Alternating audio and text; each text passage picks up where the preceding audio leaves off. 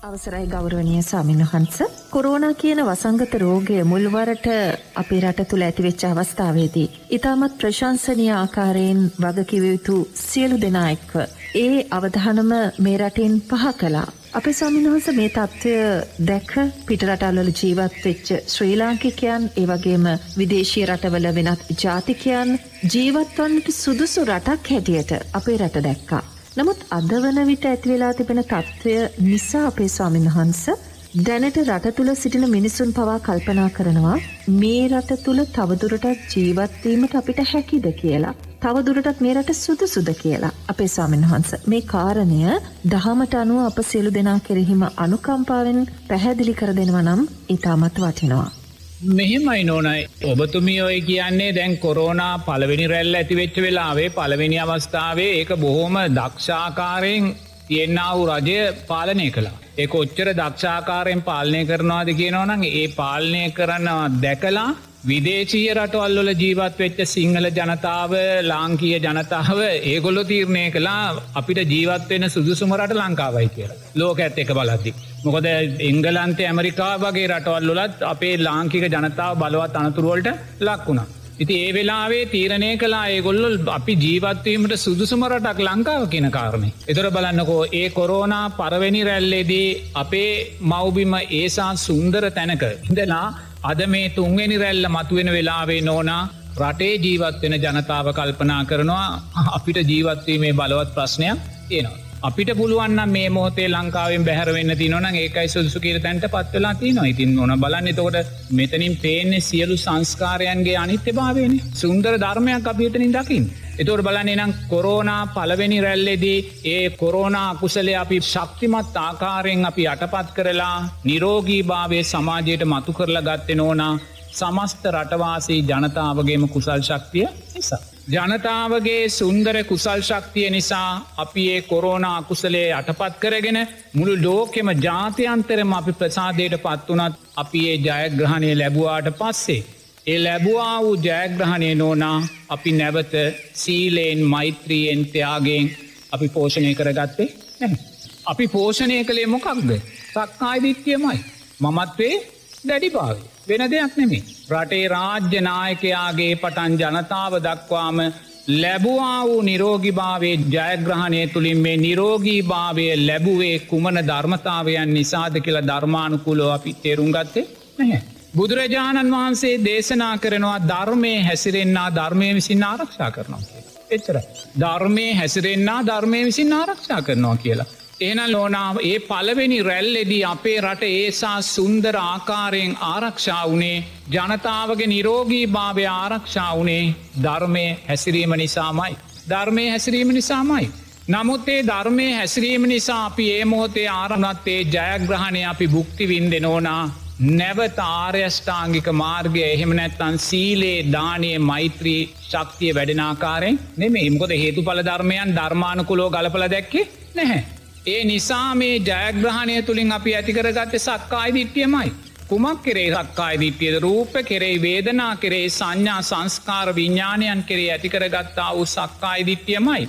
ඒ සක්කායි දිට්ටිය නිසාම අපි තුළ වැඩුණේ ලෝබදවේශ මෝහයන් මයි. එනිසා නෝනා එහි විපාකයන් අද වෙනකොට අපේ රට දාලයන්න හිතන තරමට ජනතාවගේ හිත් ඇතිවෙලා තියෙන්. හිත් ඇතිවෙලා තියන සුන්දර හේතු පල ධර්මය. එනිසා අපි නිර්හතුරුව තේරුම් ගන්න ඕනේ නොනම් මෙවැනි විනාසයන් සිද්ධ වෙද්දි. ඒ විනාසයන් සිද්ධ වෙනවනං එක පැත්තකින් රජයේ ජනප්‍රිය භාවය දුරුල වෙලා යනො ජනතාව බියට පත් වෙලා ජීවත් වෙනවා. ජනතාව සිහි මුලාවට පත් වෙලා මිය යනවා. දේ මිය අනය දුගතින් නොල ඉපදෙනවා. ඒවගේම ජනතාවගේ බවබෝග සම්පත් ආර්ථිකය කඩා වැටෙනවා. ඉති මේවා වෙද්දි නොවන අපි බලන්න ඕනේ මේවා වෙන්න ධර්මානකූල හේතුව මොකක්ද කියලා. මොකද ධර්මානකුල හේතුව.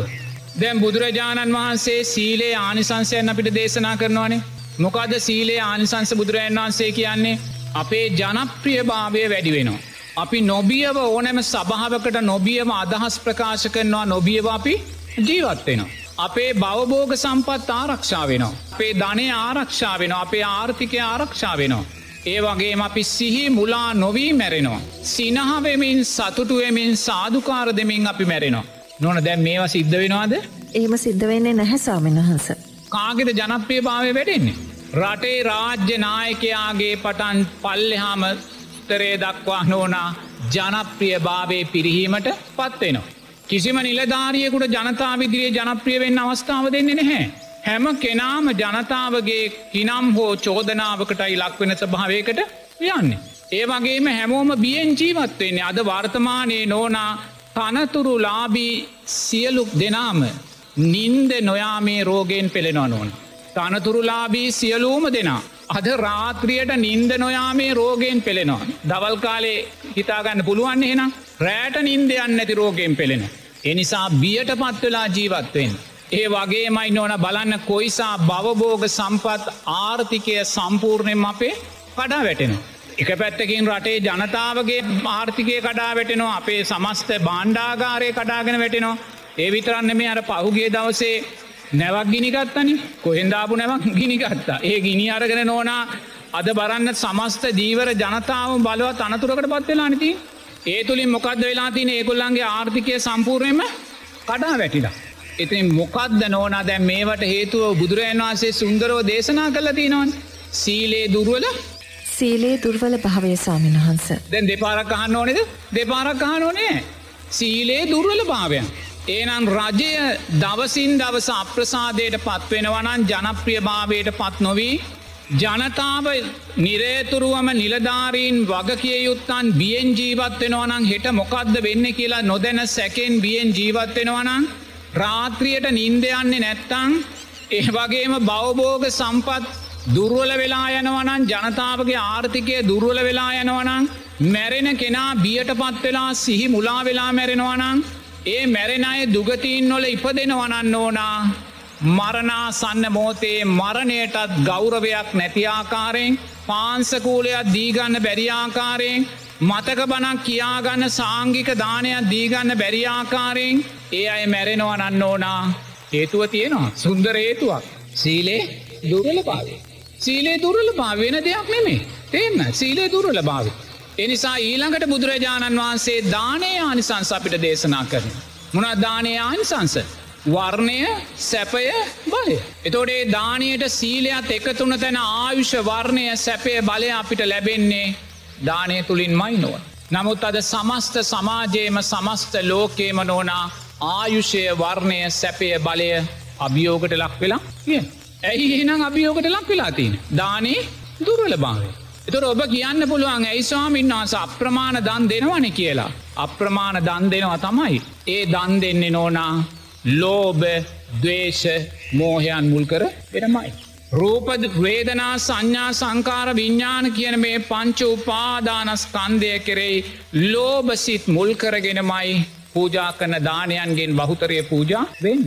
ඒ වගේම දානය ලබන්න වූ පාර්ශවය. සුපටිපන්න උජිපටිපන්න ඥාය පටිපන්න සාමීටි පටිපන්න මේ උතුම් ගුණයන්ගෙන් දුර්වල භාවයට පත්වී ගෙනයි මේ උතුම් දානයන් අපි පිළිගන්න. එහන් දානය ආනිසංස දුර්වලයි. එතුර මෛත්‍රී ආනිසංස මොනවාද. මෛත්‍රී ආනිසංස දෙවියන්ට මනුස්සයින්ට අමනුෂ්‍යයට ප්‍රිය වෙනවා අපිව. ඕන කෙනෙකුට අපි ප්‍රියයි නමුත් අද නෝනා කෙනෙක් කෙනෙකුට ප්‍රියභාවයක් නැහැ. කෙනෙක් කෙනෙකුට ප්‍රියභාවයක් නැහැ. බියෙන් බලන්නේ සැකයෙන් බලන්නේ කතා කරන්න අකමැති කෙනෙක් දැක්කාම හැරිල දුවනවා. එනිසා නිරේතුරුව මේ මෛත්‍රියයට අදාළ ආනිසංස එකොල්හයින් අද ගොඩක්ම නෝනා සමාජයෙන් පලාගිහිලතින් එ මොකක්ද මේ හේතු. එතොට සමාධී ආනිසංස මොකක්ද.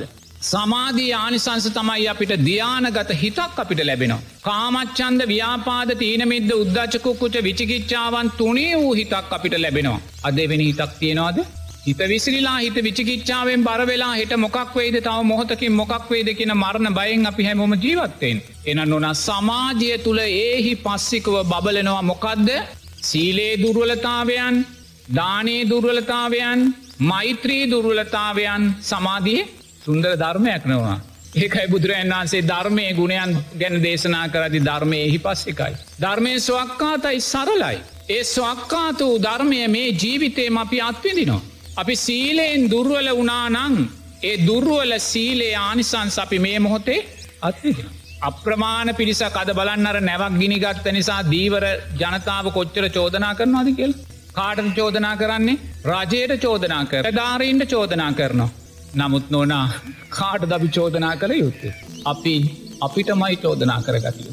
ඇයි අපි අපිට චෝදනා කරගත යුත්තේ අපි සීලයෙන් දුර්වල නං නෝනා අනිවාර්යෙන්ම අපේ බවබෝග සම්පත් දුරල වෙලා වෙන. අපේ ආර්ථිකය අහිමි වෙලා යන අපිට. අපේ ආර්ථිකය කඩා වැටෙනවා. ඒ සීලේ දුරලතාවය. බලන්න කොරෝනාව නිසා තරුණ අම්මලා විවාහ වෙලා ඉන්න බබාලා හම්බවෙලා ඉන්න අම්මලා කීදනෙක් කලල රූපත් එක නැතිවෙලා තියනවාදි කියල බලන්නක එම දකිදි සමාජය කාරද බයින්නේ.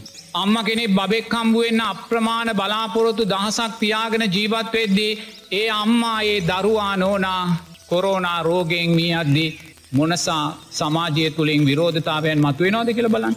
රජයට සෞඛ්‍ය බලධාරීන්ට නමුත් නොනා මේවාට සුන්දර හේතු පලධර්මයන් තියෙනවා. හේතු පලධර්මයන් තියෙන. අර කෝටි ගානක් ප්‍රකෝටි ගානක් ධනයක් කර මහසාගරයේ ගිනි ගනිත් දිනෝනා මමනං දැහැස් පියාගෙන දකින්න ඕනා ඒ නැව ගිනි ගැනීම නිසා යම් පාර්ශවයක් ප්‍රකෝටි ගානක අලාභයක් විදිනවා. තේනත් ඒ පාර්ශවේ කෞද කියන්න මන්දන්න එක්ක රක්ෂණ සංස්ථාව වෙන්න පුළුවන් එක්ක නැවේ අයිතිකරුව වෙන්න පුළුවන්. ඒ තරං ප්‍රකෝටි ගානක් ධනයක් අර මහසාගරයේ ඇස් දෙකට පෙනි පෙනී ගිනිගන්නේ නෝනා පෙර ජීවිතවල ඒගොල්ලො සීලේ දුරුල භාවයන් නිසාමයි. සීලේ දුරුවල භාවයන් නිසාමයි. ඒ සීලේ දුර්වලභාවයන් නිසා ඒගොල්ලො දුසිල්වත්ව කරගත් අකුසල් නිසා පෙනි පෙනි පෙනි පෙනි තමන්ගේ දේ ගිනි ගන්න ඕන. පෙනි පෙනි ගිනි ගන්න. අපි පන්සිල් මළුවේ මීට ඉස්සෙල කතා කරලා තියෙනවා. යම් කෙනෙක් සොරකම් කලානං සොරකම් කලානං ඒ සොරකමේ විපාකයන් විපාක දෙද්දී තමන්ගේ දේපල නෝනා පෙනි පෙනී ගිනි ගන්න. තමන්ගේ දේපල මේ මගේගේ ඒගේ පෙනි පෙනී භූමිකම්පාවෙන් කඩාගෙන වැටෙන. මේ තමන්ගේ තට්ටු දහය ගොඩනැගිල්ල. තමාට ඇස් දෙකට පෙනි පෙනී මේ තට්ටු දහය ගොඩනැගිල්ල භූමිකම්පාවකින් කඩාගෙන ඒතු පල ධර්මයක්. භූමිකම්පාට බැල්ල වැඩන්නේ. ප්‍රකෝටි ගානක් වටිනාර නැව පෙනි පෙනී අර රූපවාහනී තිරවලින් පෙනි පෙනී ගිනි අරම් වින්හස වෙනවා කියන්නේ නෝනා පෙර ජීවිතේ බර පතල සොරකම්මොල ආදී නේද සොරකමේ ආදීනව ගෙන පන්සිල්ලක්ෙන් කියලා තිලා තිනවන සොරකමේ බලවත්ම සොරකමේ ආදීනවේ තමයි සාංගික දේපල සොරකම් කිරීම. දෙවැනි බලවත්මානි සංසේ තමයි ජනතාදේපල සොරකම් කිරීම. රාජ්‍ය බාණ්ඩාගාරය සාංගීක දේපල සොරකම් කිරීම කියන කාරණය තවදුරටත් අපිට පැහැදිලි කර දෙන්න සාමිනහන්ස සාංගික දේපල සොරකම් කර ගැනීම කියන නෝනා. යමෙක් සංඝයා අරමුණු කරගෙන අපිට යමක් පූජා කලාන. ඒක ඉඩමක් වෙන්න පුළුවන් පන්සලක් වෙන්න පුළුවන් ආරාමයක් වෙන්න පුළුවන් ගහක ගෙඩියක් වෙන්න පුළුවන් කුඹුරක් වෙන්න පුළුවන්. මට මෙතන පූජා කලා වූ දෙයක් වෙන්න පුළුවන් සබංකැටයක් වෙන්න පුළුවන්. සාංගිකව යමෙක් පූජා කලානන්ගේ සාංගිකදේ යමෙක් සොරකම් සිතෙන් ගත්තනන්න ඕනා ඒ අකුසලේ තරම් බලවත් අකුසරය එන්න දෙක රාජ්‍ය බාණ්ඩාගාරය රාජ්‍ය බාණ්ඩාගාරයට පන්සිල් සමාදං වෙච්ච මනුස්්‍යයෝ බදු ගෙවනවා. අටසිල් සමාදං වෙච්ච මනුස්්‍යයෝ බදු ගෙවනවා. සෝවාන් පලට පත්වෙච්ච ගිහිය ඉන්න පුළුවන් ඒ අයි බදු ගෙවනවා. සකුරුදාගාමී පලට පත්වෙච්ච ගිහිය ඉන්න පුළුවන් බදු ගෙවනවා. සුපටිපන්න උජුපටිපන්න ඥාය පටිපන්න සාමීජි පටිපන්න ගුණෙන් පරිපූර්ණ සාමීන් වහන්සේලා බදු ගෙවනවා. දුරකතන බිලෙෙන් දලයිත් බිලෙන්. එමනං ජනතා මුදල් යමෙ කොරකං කලානන්න ඕනා ඔය නැව ගිනිගනිද්දී. මම ඒ ඡායාරූපයක් දැක්කනං කාගේ හරි දුරකතනකින් මටනං එක පාට සීපත් වනේ මේවනම් පෙර ජීවිතයේ සාංගික දේපල සොරකම් කරලා ජනතාවගේ දේපල ජනතා බාණ්ඩාගාරයන් සොරකම් කරපු මිනිස්සුන්ට නෝනා ඒහි පස්සිකව සකස්වෙන් නාව අකුසල් එන අපි දුක්වෙන්න වැඩත්ති නවද බුදුරජන් වන්සේ දේශනා කළති. එනම් මේ මොහොතේ දීවර කර්මාන්තයේ එදෙන්න බැරුව ඒ අහිංසක දරුවෝ ඒ අහිංසක මනුස්්‍යයෝ පීඩාවට පත් වෙලා තියෙනවනන්න ඕනා ධර්මානුකූලව හේතුව. දීවර කර්මාන්තය ගැනමකක්ද. සත්ත ඔබේ හිතරි දෙන්න පුළුවන් පුතේ තේෙන්න්නද මේක කියද්දි දීවර කර්මාන්තය ඒදන කෙනෙක්ගේ හිතරි දෙන්න පුළුවන්. නමුත් ධර්මානුකූලොයි මං විග්‍රහ කරන්න. එනබුතේ ඒ බලමත් වූ අකුසල් සංස්කාර විසින් එක දවසක මාලු ලක්ෂ ගානක් ගොඩබිමට ගේනවනු. එන ඇති විපාකයන් එන්න ඕනේ විපාකයන් එන්න ඕනේ. අකුසල් සිනහවෙවී කරද්දී අකුසල් බලාපොරොතු සහගතව කරද්දී අපි සතුටු වෙනවා වගේම. ඒ මුදල්වලින් අපි විනෝද වෙනවා වගේම අකුසල් විපාක දෙද්දින්න ඕනා අපි දක්ෂ වෙන්න ඕනේ උපේක්ෂාවෙන් ඒවාදිහැ දකිින් ඒ උපේක්ෂාවෙන් ඒවාදිහැ දකිින්. එතොට බලන්නකොත් අම්මා කෙනෙක් දරුවෙක් කුසේ දරාගෙන මාස දෙකක් තුනක් හතරක් කටක් ඒ මහා බලාපොරොත්තු කන්දක් තියාගෙන ජීවත් වෙලා අර කොරෝන අකුසලේ හැදිලා ඒ අහිංසක කල්ල රූපයත්තේ අහිංසක අම්මත් මී අද්දිනෝනා මොකක්ද අපිදකින්න. පෙර ජීවිතයේ සීලේ දුරුවල භාවයමයි. අපේ රටේ නෙමේ ලෝකය බලන්න එක දවසකට ගැබ්බර එලදුනුන් කී දාහක් කී ලක්ෂයක් මරලදානොද කියලා. කුසේ පැටව්ඉන්න එල දෙනු. කුසේ පැටව්ඉන්න අනිකුත් සිරිසන් සත්තු කී දාහක් කී ලක්ෂයක් මේ ලෝකේ දවසකට මැරනෝද කියලබල. මාලු අම්මගේ කුසේ මාලු පැටවුන් දස් ගානක් ඉන්න මාලුක්කු කී දාහක් කී ලක්ෂයක් දවසකට මරාදානෝද කියල බලන්නු ඔච්චර මරාදාන.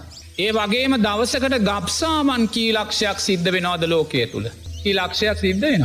එන නොල මේවා විපාකටෙන් නැද්ද විපාකරෙන් නැද මේ අකුසල් කරන්න කරන්න කරන්න නෝනා අනාගතයේ ගැබ්බරව ඉන්න අම්මලාගේ ලෝකෙට බිහිවෙන්න ඉන්න දරුවන් සමගේ අම්මලා විනාස වෙලා යන්න තිීන අවස්ථා ගොඩා වැඩුවෙන්. ධර්මානකූලව.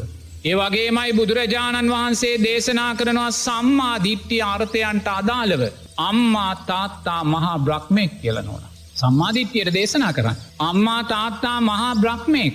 මෙත්තා කරුණා මුදිතා උපේක්ෂා ගුණයන්ගෙනු යම්මා තාත්තා තමන්ගේ දරුවාව පෝෂණය කරන්න.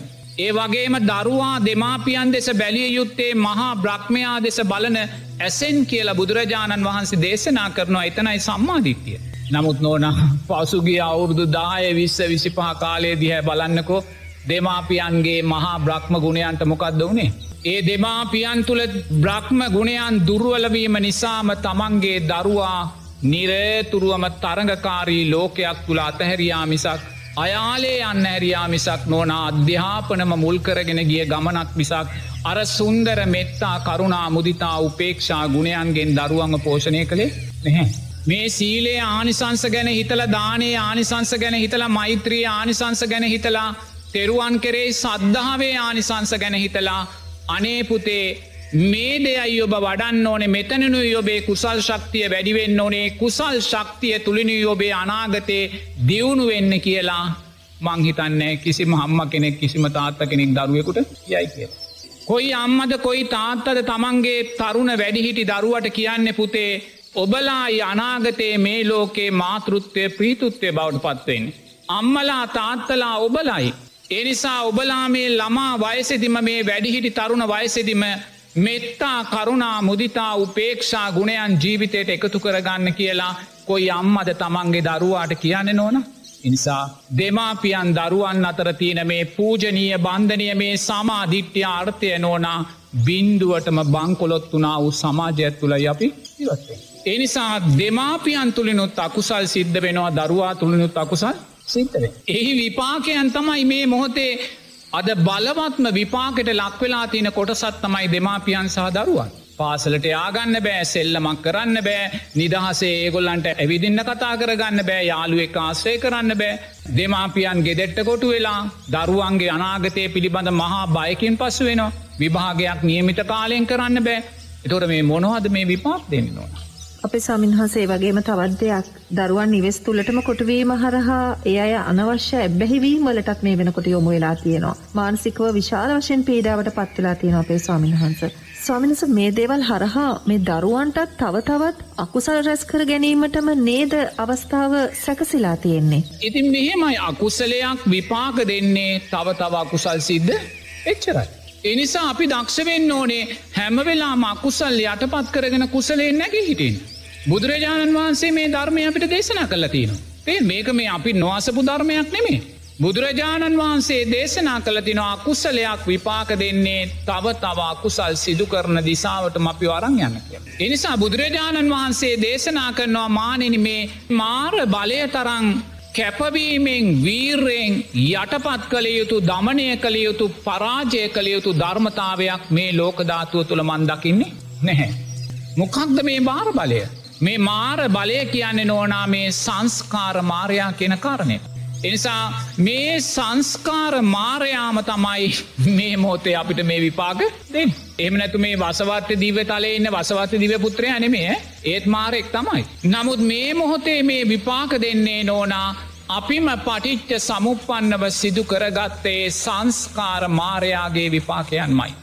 එනිසා නෝනා මෙවැනි බලවත් අකුසල් සංස්කාර මේක අපිට විතරක් වෙන විනාසයක් නෙම ඒ අපි තේරුම් ගන්න ඕන ඉන්දියාව ගත්තත් අනිත් රටවල් ගත්තත් මේ ලෝකෙම මුල් කරගෙන මුළු ලෝකෙම එකට එකතු වෙලා කරගත්තා වූ අකුසල්ලොල විපාකයක් තමයි ලෝකය මේ විදින්නේ. මුළු ලෝකයම මේ අකුසල් සංස්කාරය මේ ආකාරයෙන් වින්දත් නෝනා අපිට ජාතියක් හැටියට ශාසනයක් හැටියට නෝනා මුළු ලෝකෙම යටකරගෙන ජයග්‍රහණය උදෙසා නැගී සිටීමේ ශක්තිය අපිට තියෙන.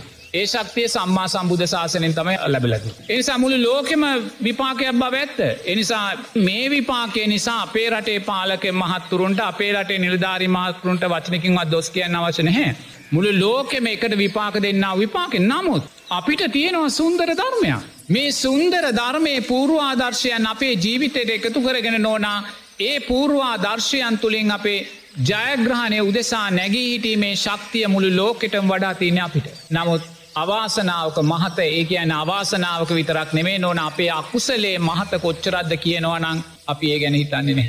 අර අදම්මික සූත්‍රය අපි නිරේතුරුව මතක් කලානේ. ඒ අධර්මික සූත්‍රයේදී බුදුරජාණන් වහන්සේ බෝහම පැහැදිලිව දේශනා කරනවා රටේ රාජ්‍ය නායකතුමා පිරිහෙන තැන ඇමති මණ්ඩලේ පිරිහෙනවා කියලා. ඇමති මණ්ඩලේ පිරිහෙන තැන මන්ත්‍රී මණ්ඩලේ පිරිහෙනවා කියනවා. මන්ත්‍රී මණ්ඩලේ පිරිහෙන තැන පූජක පක්ෂය පිරිහෙනවා කියනවා. පූජක පක්ෂය පිරිහෙන තැන ජනතාව ජනතාව පිරිහෙන තැන නෝනා අව්ව වැස්ස පින්න විකෘතියක් වෙනවා. බලන්නකො පහින වැස්සේ ප්‍රමාණි පුච්චර අයියෙන් වයිනවාද කියල් දැම් පසුගේ දාලේ මොන්න තරන් ගංවතුරෙන් පීඩා වින්දන නොන අපේරටේ මනුස්්‍යය. කොයිසා පීඩා වින්දන්න. ඇයි දෙයනේ මේ ගංවතුරෙන් මේසා පීඩා විඳින්නේ නෝනා වැස්සේ වරදක්නම් නෙමේ. අපේ සාමිනහන්ස මේ ප්‍රශ්නය වහන්සේගෙන් විමසන්නේ අපේ රටේ සමස්තයක් ජනතාව වෙනුවෙන්. අපේ රටේ මිනිස්සු හරියට දුක්විඳිනවා. පොදු ප්‍රවාහන සේවාවල් වල හිරවෙලා රැකියාවට ගිහිල්ලා සමහර මිනිස්සු අසනීප වෙලා ඒ වගේම සමහරක් කෙනෙක්ට ගංවතුරාදේ විපත්වලට මුහුණදීලා තමන්ගේ දේපල ඉඩකඩන් ගෙවල් දොරවල් නැති වෙලා මේ අයගේ ජීවිත කතාව හරිම සෝචනීයයි. අපේ ස්වාමින් වහන්ස මේ ප්‍රශ්නයට දිය හැකි පැහැදිලි ධර්මානුකුල විසඳුම කුමක්ත ස්වාමින් වහන්ස. මෙහෙමයි පුතේ අපි පන්සිල් මළුවේ මේට ඉස්සෙල්ල කිව්වනේ. ලෝකේ සෑම රටකම ජීවත්වෙන ජනතාවට වඩා වැඩිපුර අකුසල් සිද්ධ වෙන්න තින අවස්ථාව වැඩි අපේ රටේ ජනතාව. අපි ඕක කිව්වා. මොකෝ මේ රටේ ජීවත්වෙනවා සුපටිපන්න ගුණය උජුපටිපන්න ගුණය ඥාය පටිපන්න ගුණය සාමීචි පටිපන්න ගුණයෙන් ශක්තිමත් පරිපූර්ණ යම් පමණකට ශක්තිමත් ගෞරෝණය සාමීන් වහන්සේ. මේ රටේ ජීවත්වෙනවා පීලිය දිවිවිමියෙන් ආරක්ෂා කරන උපෝසට සීලයන් ආජීවාර්ථමක සීලයන් දස සීලයන් ආරක්ෂා කරන ගිහි පින්වතුල්ල. මේ රටේ ජීවත්වෙනවා සෝවාන් සකුරුදාගාමි අනාගාමි අරිහත් පින්වතුල්ලා ජීවත්වෙන්න පුළුවන් මොකොද ධර්මය සන්දිිට්ටිකයි. එහම උත්තමය ජීවත්වෙන්න පුළුවන්. එනිසා නොනා අපේ රටේ ජනතාවතින් සිද්ධ වෙන්න තින අකුසල් වැඩි.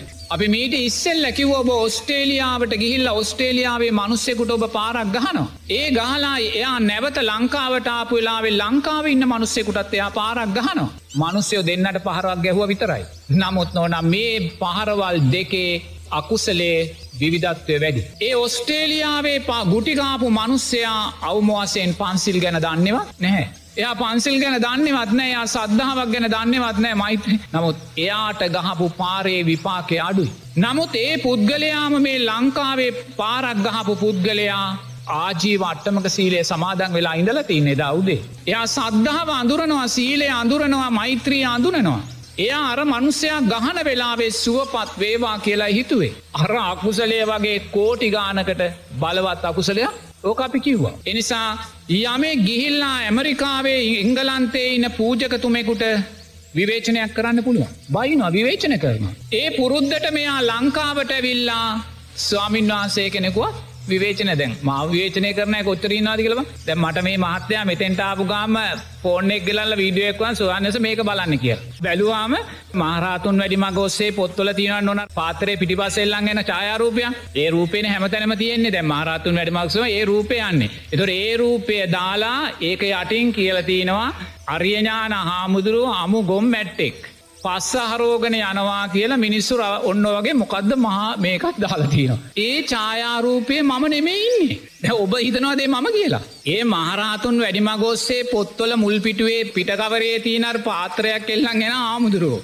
අන්තර්ජාලය එක එකනා ඒ දාන ෆොටෝ එක. මම නෙමෙහින්නේ. ඒ පාතරයක් එල්ලන්ගෙන රූපය මගේ නෙමේ. ඊට අදාළ ස්වාමින් වහන්සේ මේ මොහොතේ ලංකාවන්නවා. උන්වහන්සේ අම්පාරේ ජීවතච්ච ගෞරණය සරුණු ස්වාමින් වහන්ස. උන්වහන්සේගේ ඡායරූපය තමයි යො තියන්නේ. ඕක කොහෙන් ආවද කොහම දැම්මද කියලා ඕක අප අර ඉන්ද්‍රරි මහත්තයා තමයි ඒ කාලේ ඒ පොටෝ එක තෙන්ට දාලතින් එනිසා මත් හරි සතුරනයි අදත්මන්ගේ ඡායරූපයට සතුට වෙන නමුත් ඒ ඡායරූපයත් මගේ නෙමේ නවත් බලන්න නොන ඒ ඡායාරූපයත් මගේ නොබනකොට අර දාලතියෙන විවේචනය මොන්න සානං අසප්පුරුෂ විවේචනයක්ද කියලා. එතොට ඇයිඒ ගොල්ල එහෙම විවේචනය කරන්නේ නොන අර ගුණාත්මක භාවයෙන් අඩු කෙනා විවේචනය කරන පුරුද්ධටම ගෝනයි පුච්චි හෝ ගුණාත්මක භාවයක් තියෙන කෙනා විවේචනය කර. අකුසල් පොඩිද ඒ නිසා නෝනා එවැනි දේවල් කොයි සානං සිද්ධ වෙන අද කියල බලන්න. ඒ කාරණය එහෙමමයි අපේ ස්වාමින් වහන්ස ඔබහන්සේ පසුගිය වෙසක්පුන් පොහෝදා සිරස පන්සිල් වලුව සදහම් දේශනාවේදී පැහැදිලි කරන ලද කාරණයක් විශේෂයෙන්ම බෝධිසත්වයාණන් වහන්සේ දුෂ්කර ක්‍රියා කරන අවධියේදී අසූචි වැළඳවායයි කියන කාරණය පිළිබඳවත් සාමින්හන්ස යම් යම් දෙනෙක් විවේචන එල්ල කරලා තිබුණ. නොදනුවත්කම වෙන දෙයක් නෙවේ පුත. ඒක අපි ඒගොලන්ට අනුකම්පා කරන්න ඕනක මොක දාන්පුේ අනුකම්පා කරන්න ඕනේ කියන ඔවෙනි එක වචන එක දැන් අර මංකිවපු එක තිනනේ පස්ස හරෝගන යන මොකක් දොන්නම එකක් තිබේ ඒ සිතුවිල්ල නෝනා අල්ප ගානක් නිරේට අදාළ සිතුවිල්ල ඔය සිතුවිල්ල වෙන ආයිමත් වෙන අවශ්‍යනෑ එතුන්න ඕන ඊට වඩා දඩුවමක් තියනව දෙයාට ඊට වඩා දඩුවමක් නෑ. එතොට ඔය සිතුවිල්ල එයා දඩුවම් විදිනවා වගේම. ඕක දැකලා නෝනා තව කොච්චරය නෝන ගැටීම් ඇති කරගන්නවාද එක්කෝ ඒකට අනුග්‍රහය දක්වනවාද. එතොට ඒවා නිසා බලවත් වූ අකුසල් සිද්ධ වෙනවා අං දැකලති නොව පන්සිල් මලුහෙන් මන් සමාරයගෙන් අර ෆෝර්න එක ඉල්ලගෙන අහනවා. නමුත් ඒ ඕනෑම තැනක අකමැති එක්කෙනෙක් දාලතිනවා එකට අකමැත්ත.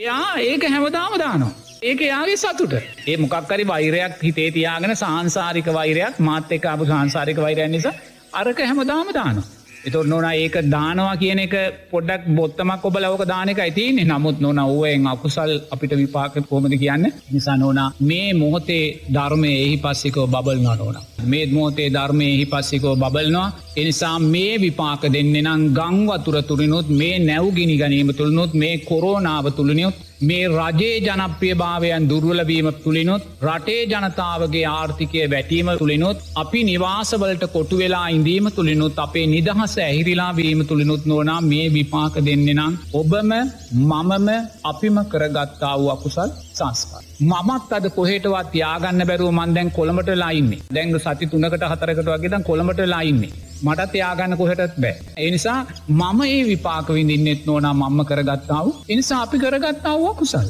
ඇයි අනුන්ගේ නිදහස සීමා කරලා අනුන්ගේ අයිතිය සිහිමා කරලා අනුන්ගේ ජනප්‍රිය භාවයන් දුරුවල කරලා ඒවයින් කරගත්තාව අකුසල් මේ විපාකදෙන්. එනිසා මුලින් අපි තීරණය කරන්න ඕන මේ අකුසලයක් කියලා. දුරට සාරිපුත්ත මහෝත්තමයාණන් වහන්සේ දේශනා කරනවානේ මුලින්ම අපි දැනගන්න ඕනේ මේක අකුසලයක් කියලා. අපි මේක අකුසලයක් කියලා දන්න නැත්තං අපිට කවදක්වත් මේ අකුසලේ මිදන්න ඒකන වෙලා තියන්නට සාරිපුත්ත මහරහතන් වහන්සේ කියෙන මේක අකුසලයක් කියලා අපි දන්නවා නම් අපි අනිවාර්යම මේක කවදහරි පිසද මොකද එයා දන්නවා මේක අකුසලයක් කියලා.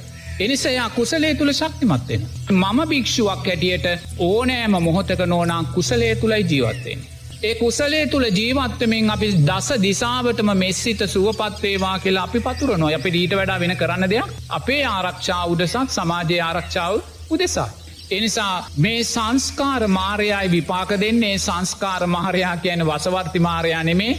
අපිම පටිච්ච සමුපන්නව කරගත්තා වූ ලෝබදේශ සක්කාය දිට්ටියෙන් විචිකිච්චාවෙන් අන්න සීලවුත සරණගිහිල්ලා අපි කරගත්තා වූ අකුසල්වල විපාකයන්ම යක් මේ විදිින්. එනිසා මේ විපාකයෙන් ගොඩ එන්න මුළු ලෝකෙටම් වඩා අවස්ථාව අපිට තියෙන. අවස්ථා විතරන්නේ මේ මුළු ලෝකෙටම පුරුවත් දර්ශයන් දෙන්නත් අපිට අවස්ථාව තියෙන. නමුත් නොන ඒ අවස්ථාව සම්මා සම්බුද්ධ ශාසනය තුළයි තියෙන්නේ නමුත් ඒකෙනුත් නැගී හිටින්න සිතුවිලි සකස් වෙන්නේ නෑ දැනීම් සකස් වෙන්නේ නෑ ඇයි නෝනා ඒ තරං අකුසල් බලවත් වැ. ඒ නිසාම අපි තේරුම් ගන්නෑ මේ අකුසලයක් කියලා. මේක අකුසලයක් කියලා අපි තේරුම් ගන්න හැ. අකුසලයක් කියලා තේරුම් ගන්න කෙනා බුදුරජාණන් වහන්සේ දේශනා කරනවා ධර්මය හැසිරෙන්න්නා ධර්මය විසින් ආරක්ෂා කරනවා කිය. ඔබ තාමත් කොරෝනාවෙන් ආරක්ෂා වෙලා තියෙනවා නං ඒ ඔබ වාරක්ෂා කළේ ධර්මයමයි ධර්මයමයි. ඔබ කලා වූ කුසල් සංස්කාරයන් මයි. නමුත් ඔබට හිතනව ඇති එහෙම වෙන්න කොහොමද. මම සිල්පද බිඳින කෙනෙක්. මම අරක්කු බොන කෙනෙක්. මම කාමේ වරදවා හැසෙනෙන කෙනෙක්. මම හොරකං කරන කෙනෙක්. මම සත්ව හිංසාව මනුස්සහිංසනය කරන කෙනෙක්. නමුත් මම තාම ජීවත් වෙන අනි කියලා. ඒක කොහොමද වෙන්න කියලා කෙනෙකුට හිතන්න පුළුවන්. ඒ ජීවත් වෙන්නේ ධර්මය නිසාමයි. ඇයි පටිච්ච සමුපන්නවයා කලා වූ කුසල් සංස්කාර තිය. එක තේරුම් කරනනේ. ඒ පටිච්ච සමුපන්න එයා කලා වූ කුසල් සංස්කාර නිසා එයා මේ මොහොතේ වැරදි කලාත් එයා නිරෝගීව සුරක්ෂිතව ජීවත්වෙන. නමුත් ඔබ මේ මොහොතේ නිරෝගීව සුරක්ෂිතව ජීවත් වෙන්නේ ඔබේ පුළුවන්කාරකමක් නිසා නෙමේ. ඔබ දෙස දෙවිය බැලුව නිසා නෙමේ. ඔබ මේ මොහොතේ සිල්පද බින්දත් දේශය වැඩුවත් ඔබ මේ මොහොතේ නිරෝගීව ජීවත් වෙන්නේ පෙර කලා වූ කුසල් ධර්මය ශක්ති. ඒක ඔබ මේ මොහොතේ තේරුම් මරගන්න නැතුව. ඔබ නිරෝගීව ජීවත්වෙන්නේ මේ හේතුව නිසා කියලා ධර්මානුකූල හේතුව ඔබ මේ නිරෝගී භාවය උපයෝගී කරගෙන තවදුරටත් සිල්පද බිඳිනවනං.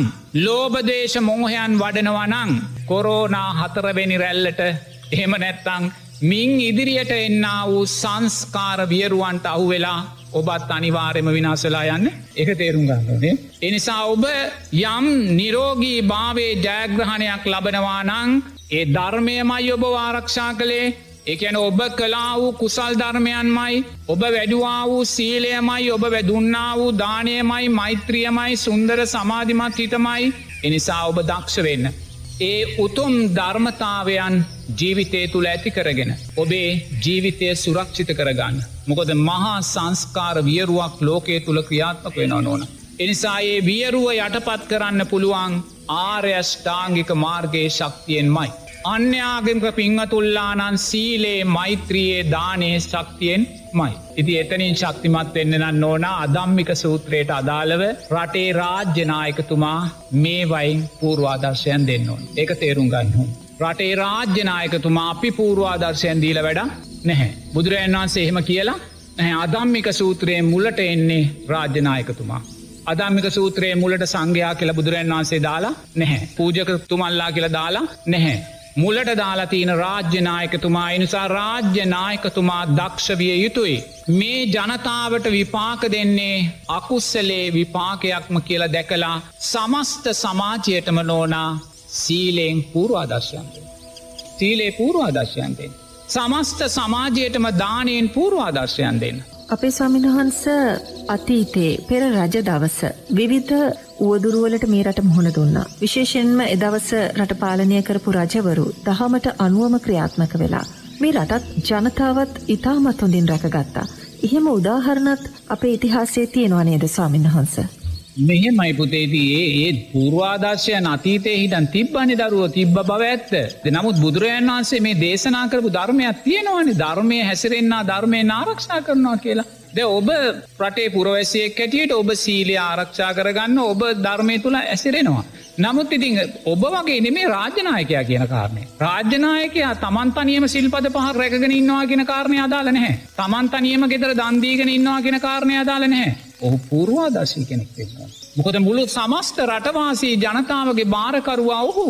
මුළු සමස්ත රටවාසී ජනතාවගේ අම්මතාත් ඔහු ගැලවුම්කාරය ඔහු.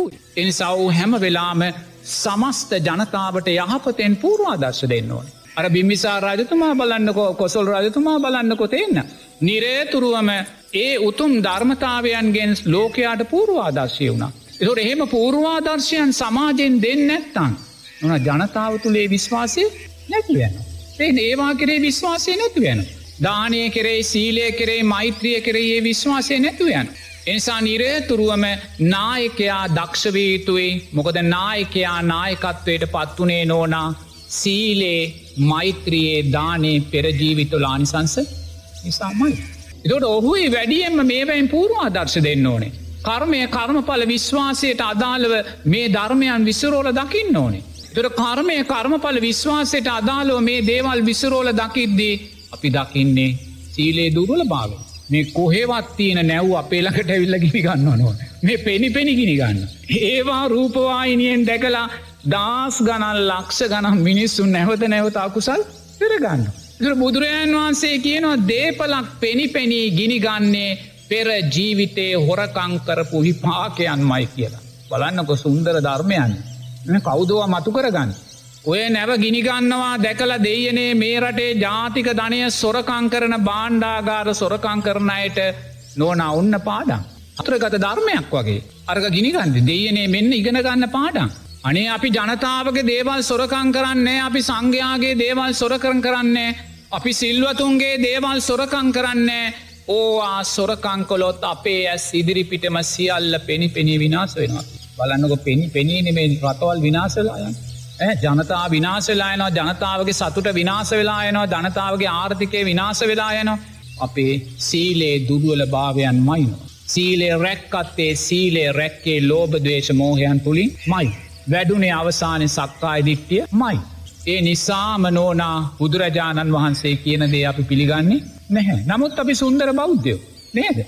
එනිසා මේ මොහොතේ අපේ රටේ මේක නැගී හිටින්නන්න ඕනා මම නම් භික්ෂුවක් ඇටියට දකින්නේ අනිවාර්යයෙන්ම රටේ රාජ්‍යනායකතුමා සම්මාධිත්‍ය ආර්ථයන්ගෙන් ජනතාවට මීට වඩා ශක්තිමත්ත පූර්වාදර්ශයන් ශක්තිමත්ත පූර්වාදර්ශයන් දියකු. ඒත් තැනට එන්නේ නැත්තං මේ විනාසයන් අන්ස්ලියුම් කරන්න බැහැ.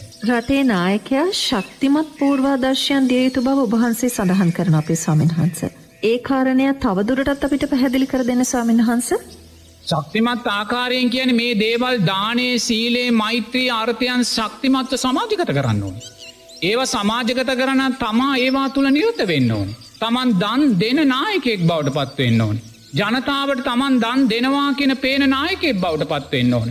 තමන් සිල්පද පහත් සමාදං වෙලා ආරක්ෂා කන නායකෙක් බවට පත් වෙලා පෙන්න්න ඕන. සමහර ධර්මතාවයන් තියනවන මිච්චා ධර්මතාවයන් මන් සිල් සමාදං වෙන්නේ නැහැ. ඇයි මං වැරදි කරන්නේ නැහැ. මන් දන් දෙන්න අවශ්‍ය නැහැ. මට සියල්ල ලැබිල තියනවා මෙ සම්මාධිත්‍යයන දෙන්න. මං මෛත්‍රී කරන්න ඕනෙ නැහැ. මං කාඩුවත් දේශ කරන්නේ සම්මාධිත්‍යයන නෙමේ. එනිසා නිවැරදි සම්මාධිත්‍යය සමාජගත වෙන්න ඕනේ නොන පූර්වාදර්ශයන් තුළින්. මොකද අදම්මික සූත්‍රයේදි බුදුරජන් වන්සේ මුලට දෙන්න රාජ්‍යනායකතුමා. සංඝයා නෙමේ. සංඝයා වැටෙන් ඇමතිවරුත් පිරිහිලා මන්ත්‍රීවරුත් පිරුණාට පස්සේ තැනයි පූජක පක්ෂේ බුදුරන් වන්සේ තැන තියන්නේ. ඉනුත් පස්සේ ජනතාව වෙතන තියන්නේ. එනම් ජනතාව මේ තැන්ට දුර්වල උනානන්න ඕනා අතීතේ මේ රටේ හිටිය සියලුම රාජ්‍යනායකින් මේවාට වග කියන්න ඕන් වග කියන්න ඕන් එනිසා නෝනා අපි සීලේ අමතක කරලා දානය අමතක කරලා මෛත්‍රී අමතක කරලා ආර්යෂ්ඨාංගික මාර්ගය අමතක කරලා නෝනා මොන සිහින ලෝක ගොඩනැගුවත්. මොන කොංක්‍රීට් ලෝක ගොඩනැගුවත් මොන ආර්ථික ලෝක ගොඩනැගුවත් නෝනා ඒ සෑම ගොඩනගන කොංක්‍රීට් ගොඩනැගිල්ලක්ම කවදාහරි දවසක අපේ සොහොන් කොතක් බවට පත්වෙනවා මයි. ඒක හොඳට තේරුම් ගන්න. අපි දානය අමතක කරලා සීලය අමතක කරලා මෛත්‍රී අමතක කරලා මොන සංවර්ධනයක් උදෙසා අපි ගියත්තේ සංවර්ධනය කවදා හරි දවසක අපේ සොහොන් කොතක් බවට පත්වෙනවා මයිහෝ එක තමයි. එනිසා අපි දක්ෂ වෙන්න ඕනේ අපේ රටේ සංවර්ධනයාත් අපේ රටේ ආර්ථිකයත් අපේ රටේ දේශපාලනයත් නිරේතුරුවම නෝනා මේ සීලයෙන් මෛත්‍රියෙන් දානයෙන් ආර්යෂ්ඨාංගික මාර්ගයෙන් අර්ථවත් වෙන පූර්වාදර්ශය ලබන ධර්මයන් බවට පත්වෙන. එම කොළොත් තමයි මේ සුන්දර සංවර්ධනය මේ සුන්දර ගොඩනගන සෑම දෙයක්ම නෝනා අපිට කවදාහරි දවසක සැනසිල්ලේ දැකලා ඇස්පියාගන්න පුළුවන් ධර්මතාවයන් බවට පත්ව. එනිසා නොන විසඳුම තියෙනවා.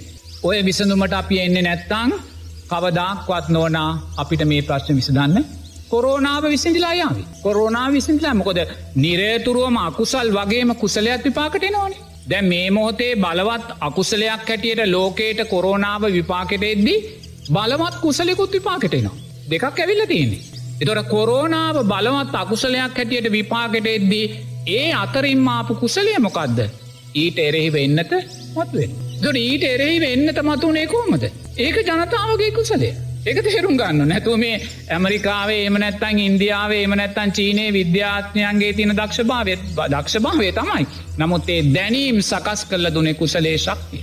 එනිසා කොරෝනානි මාරාන්තික අකුසලයක් විපාක දෙද්දීත්. කොරෝනාවට එරෙහිව එන්නත් මතු වෙලාවේ ජනතාවගේ කුසලේ නිසා. මොකද නිරේතුරුවම ජනතාව කුසල්සා අකුසල් දෙකම නිරතුරුවම සිද්ධ කරන. ද ඊය දවස ගන්නකෝ ඊය දවසේ ඔබ තුළින් කොච්චරනං අකුසල් සිද්ධ වනාද ලෝබදේශමෝහ ඒ වගේම අලෝබාදේශ මෝහ කොච්චර සිද්ධ ඕනෑම කෙනෙක් අතින් නෝනා නිරේතුරුවම සෝවාන් පලේට පත් නොවූ ඕනෑම කෙනෙක් අතින් නිරේතුරුවම කුසලේට අදාළ ධර්මයනුත් අකුසලේට අදාළ ධර්මයනුත් අතර ජීවිතය දෝලනය වෙනවා නිරතුරුව. අපි දේශයෙන් දඟලද්දී අපි දේශයෙන් වෛර කරද්දී ඒ දේශය නිසා කෙනෙක් විනාස වෙද්‍යයානේ සුවපත් වේවාත් කියලා අයිමත් අපි හිතනවා. එනිසා ලෝකය නෝනා මේ පංච උපා දානස්කන්ද ලෝකය නිරේතුරුව කුසලය සහ අකුසලය දෙකාතරම දෝලනය වෙනවා වගේ නිරේතුරුවම ඒවා විපාකයට එද්දී බලවත් අකුසල් විපාක දෙද්දී අර කුසලේනුත් මතුවෙලා අන රෝගයට එරෙහි වෞෂදයක් මේ සංස්කාරයන්ගේ ඒකයි බුදුරන් වන්ස ගැන සංස්කාරයෝ කියන වංචාවක් ප්‍රෝඩාවක් ඇස් බැන්තුමක් කියල කියන්නේ එක. අකුසලේ මාරාන්තිකෝ විපාක දෙනකොට කුසලේ ඇවිල් ඔන්නෙල් නැතක් අපිට ලබල දෙන. ඒ එන්නත නිසාම අපි ආයිමත් මොකද කරන්නේ ඒ එන්නත කුසලේ හැටියට දකින්නේ නැහැ. කොරෝනාව අකුසලේ හැටියට දකින්නේ එන්නත ලබාගෙන අපි ආයිමත් එන්නතේ නිරෝගී භාවෙන් ආයිමත් සක්කා ඉදිත්‍යයම ශක්තිමත් ඊරවාස මොකක්ද වෙන්නේ. කොරෝනාවට වඩා බලවත් අකුසල් සංස්කාරයන් අනාගතය විපාකට නවතීමක් නැහැ. නැවතීමක් නිමාවක් අවසානය අපි හිතනවනං කොරෝනාව ඉදිරියේදී සොයාගන්නා වූ ශක්තිමත් එන්නතකින් සහමුලින්ම නැතිවෙලා යහි කියලා එතනින් ලෝකෙ සුවපත් වෙන්නේ නැහැ. එතනින් ලෝකෙ සූපත් වෙන්නේ නැහැ. ඒ නිරෝගී භාවය තුලාපි ඇතිකරගන්නා වූ නැවත සක්කා ඉදිට්ටිය නිසාම අපි නැවත නැවතත් නෝනා කොරෝනාවට වඩා බලවත් අකුසල් විපාකයකට අදාළ ධර්මතාවයන් අපි මතු කරලා කෞද මතු කළ. තමා තුළම සකස් වෙන්න වූම පංච උපාදානස්කන්දය ඒ පංච උපාදානස්කන්දය තුළ බලය තහවුරු කරගෙන ඉන්නේ සංස්කාර මාරයා විසින්මයි ඒ සියල්ල එන නෝලා අපිට ලෝකය නිවැරදි කරනවා කියන කාරණය ගැන හිතන්න බැහැ. මේ ධර්මය ඔබ තේරුම් ගත්තනං මේ සියලු විකෘදීන් මේ සියලු මාර ධර්මයන් සකස් වනේ සකස් වෙන්නේත් මේවා නිරෝධය වෙන්නේ තමා තුළින්ම කියන ධර්මතාවය අපිට මතු කරගන්න පුළුවන්න. මේයරු ධර්මතාවයන් සාරා සංක කල්ප ලක්ෂ සියක් කෝටි ප්‍රකෝටි ගානක් ඈතක ඉඳන් සිද්ධ වනා සම්මා සම්බුද්ධ ශාසන ලක්ෂ ගානක් පහළ වුණා අතීත බුදුරජාණන් වහන්සේලා ලක්ෂ ගානක් පහළ වුණා ඒසා සුන්දර ශාසන පහළ වනත් මේ විනාසයන් හතරුණේ නැහැ. බුදුරජාණන් වහන්සේ දේශනා කරනවා කල්ප විනාස දසදහස් ගණනක් පසු පෙරගෙන ආවා වූ ගමනක් ඔබත් මමත් පටිච්ච සමුපන්න වැැදිලට. කල්ප විනාසයක් යන මොකක්ද. මේ මුළු පෘතුවියම නෝනායකම ගිනි ජාලා බවබට පත්වෙනවා. ඒ ගිනි ජාලාව තුළ එදාට සත්වයගේ පරමාවිෂ තප්පරයයි මේ පිච්චෙනවා මේ මැරෙනවා මේ ඉපදෙනවා. කෞද මේ පුච්චන්නේ. කෞද මේ නැවත උපද්දවන්නේ. අපිම කලා වූ කල්ප ගානක් කුරාවට කලා වූ අකුසල් පුච්ච පුච්චා පුච්ච පුච්චා පුච්ච පුච්චා විපාක දෙනවනවා. ඒත් අපි තේරුම් ගත්තේ නැහැ. ඒත් අපි මොකක්ද කළේ අර අරූපාවචර බ්‍රහ්ම තලේ හිටිය බ්‍රහ්මය මොකක්ද කළේ කියල බලන්නකු. කල්ප විනාසයක් සිද්ධ වෙලා මුළු පෘතුවියම අලු වෙලා යද්දේ. අර ආබස්සරා බ්‍රහ්ම ලෝකේ හිටිය බ්‍රහ්මය මොකක්ද කළේ කියල බලන්නකු. ආලෝක සංඥාවෙන් මේ පෘතුවියට ඇවිල්ලා අර පෘතුවයේ මිදිලා තිබ්බාර නව යොවුන් ඕජාව සහිත පෘතුවයේ මිදිලා තිබ්බාර යෝගට් එක වැනි සුන්දර මී පැනිවැල්ගේ අර සුවඳ තොළගාලා නෝනා තුස්නාව වැඩිලා කය ගණවෙලා මනුසරූප බවට ඔන්න ආබස්සරා බ්‍රහ්ම ලෝකේ බ්‍රහ්මයන්ට වෙච්චද. ඒගොල්ලන්ට වෙච්චරේ බලන්න ඉති අපි ගැන මොනවා කතා කරනවාද කියලම මේ පංචුපාදානස්කන්ද ලෝකය තුළ මේ සීමිත සම්පත්ද තුළ අපි ගෙන අපි කොච්චර සතුට වෙන්න ඕද කියලම ආබස්සරා බ්‍රහ්ම ලෝකෙන් අපි බ්‍රහ්මයටත් තුන් වෙච්ච වැඩියෝකයි නොන්. ඒ බ්‍රහ්මයින්ගේ පිනේ ශක්තිය නිසා කල්ප විනාසේකටවත් ඒගොල්ල විනාස වෙලාගේ නැහැ. එච්චර පිනේ ශක්තිය. තියාගෙන මෙතෙන්ට ඇවිල්ලා අර තුෂ්නාවට වහ වැටිලා මනුස්ස ප්‍රජාව බවට පත්වෙලා නෝනා තාමත් ඒ අය මේ බවාත්‍රය තුළ දුක්විදිනවා ඇති. එනන්න ඕනා ඒසා වියරුවක් සිද්ධ වෙද්දී. ඒ වියරුව තුළ මමත් හිටියා ඔබත් හිටිය. ඒත් අපි ඒක තේරුම් ගත්තේ නැ. අද කොරෝනාවෙන් කෝටි ගානක් මනුස්්‍යයෝ මැරිලා තියෙනවා කෝටි ගානක් මනුස්්‍යයෝ ලෙඩ වෙලා තියෙනවා නෝනා තාමත් අපි මේ සංස්කාර ප්‍රෝඩාව සංස්කාර වංචාව සංස්කාර ඇස් බැඳුම අපි තාමත් තේරුම් ගත්තෙ නැහැ. අපි බලාපොරොත්තු වෙනවා හෙට කොරෝනාව නිදහස් වේ කියලා. හෙට කොරෝනාවෙන් නිදහස් වේ කියලා අපි බලාපොරොත්තු එනන්න ඕනා ඒ බලාපොරොත්තු කවදක්වත් ඉටුවෙන බලාපොරොත්තු බවට පත්වෙන්නේ නැහැ මොකොද කල්ප විනාසයන් දසදහස් ගානකට පිච්චුනත් අනේ මේ සංසාර දුක දැකලා සංසාර බය දැකලා සංසාර ගැඹුර දැකලා මේ සංස්කාරයන්ගේ වියරුව දැකලා අනේ මං මේකෙන් නිදහස් වෙන්න ඕනය කියන චිත්තය තාම අපි තුළ ඇති කරගත්තේ නැ ඇති කරගත්තේ නැහැ. එනිසා නොනම් මාර්ගය සුන්දරෝ විවෘතුව තියෙනවා. මාර්ගයේ සුන්දරව විවත්ව තියෙනවා ලෝකය මෙතනයි තියෙනෙ තමා තුළයි මේ නාමරූප ධර්මයන් දෙක තුළයි එනිසා ඔබ නිරේතුරුවම ලෝකයේ දෙස් දකිින්. බුදුරජාණන් වහන්සේ ලෝකය කියලා කියන මේ සලා එතනයන්ටමයි මේ නාමරූප ධර්මයන්ටමයි. එනිසා නිරේතුරුවම ඔබ දකින්න මෙවැනි සංස්කාර වියරුන් සකස් කර දෙන්නේ තමා තුළම සකස් වෙන තමාගේ ලෝකය තුළම සකස් වෙන මේ අකුසල් මාරයා විසින්න කෙළ දකින්න. දැකල නිරේතුරුවම අධිෂ්ඨානයක් ඇති කරගන්න මම මොනම හේතුවක් නිසාවත් අකුසල් නං වඩන්නේ නැහැ. මම ධර්මය හැසිරිලා ධර්මය තුළින් ආරක්ෂා වෙනවායි කෙන විශ්වාසය ඇති කරගන්න. ඔබ මේ මොහොතෙත් ආරක්ෂා වෙලා තියෙන්නේ ඔබම හැසුරුනා වූ ධර්මය ශක්තියෙන්. එනිසා ඒ විශ්වාසය තුළ ඉඳලා නැවත නැවතත් ඔබ බෞද්ධ කෙනෙක් නං ආර්යෂ්ඨාංගික මාර්ගයේ විශ්වාසයට එන්න. ඔබ අන්‍යාගමික කෙනෙක් නං කරුණා කරලා සීලේ මෛත්‍රියයේ දානේ විශ්වාසයන් තුළට ඇවිල්ලා ඔබේ මේ බරපතල සංස්කාර විපාකයක් සිද්ධ වෙන මොහොතේ ඒකෙන් ආරක්ෂාවෙන්නේ කියන කාරණය තමයි භික්ෂුවක් හැටියට මට කියන්න සිෙනවා. ස්වාමින්වහන්ස මේ වන විට රට තුළ ආරණ්‍ය සේනාසනවලට විහාරස්ථානවලට දානය ලැබීමේ යම් යම් ගැටලු ඇති වෙලා තිබෙනවා. විශේෂයෙන්ම මෙ පින්වත් ජනතාවට අවස්ථාව ලැබුණ තමන්ගේ අත්දකින්ම සකසලා ඉතාමත් ප්‍රනීතව දන් පූජා කරන්න මහා සංගරත්නය උදෙසා. දැන් ඒ කාරණයක් සිද්ධ කරන්නට හැකියාවක් නැහැ. අපේ ස්වාමින් වහන්සේ වගේම සමහරක් අවස්ථාවල් වල මුදල් යවන්නත් සිද්ධ වෙලා තියෙනවා. මේ අවස්ථාව ඉතාමත් හොඳින් තේරුම් අරගෙන ඒ අවස්ථාව සමඟ ගැටෙන් නැතුව අපි මේ කරන හැම දෙයක්ම මහා පුුණ්‍ය කර්මයක් බවට කොහොමද ස්වාමින්හස පත් කරගන්නේ. මෙහෙමයි නෝනා දැන් මේක අකුසලයක්ම විපාක දෙන්නේ. එතොට මේ අකුසලයක් විපාක දෙද්දී නෝනා නිරේතුරුවම සියලුම ධර්මතාවයන් අපිට සකස් කරලා දෙන්න නෝනා උසලේ ශක්තිමත් වෙන දිසාවට නෙමේ. අකුසලේ ශක්තිමත් වෙන දිසාව. අකුසලේ ශක්තිමත් වෙන දිසාවට සකස් කරල දෙ. ඒක අපි සියලු දෙනාගේම අකුසල් සංස්කාර. දැවබ මතු කළේ මේ මොහොතේ විහාරස්ථානවලට ආරා ආරන්නේවලට කුටිවලට ගිහිපින්ව තුල්ලාට ගිහිල්ල දානය පූජා කරන්න බැහැ. එනිසා ඒවාට මුදල් තමයි යොමු කරන්න. තමුත් සමහර තැන්තිනවා මුදල් යොමු කරන්න පුළුවන්කමකුත් නැහැ.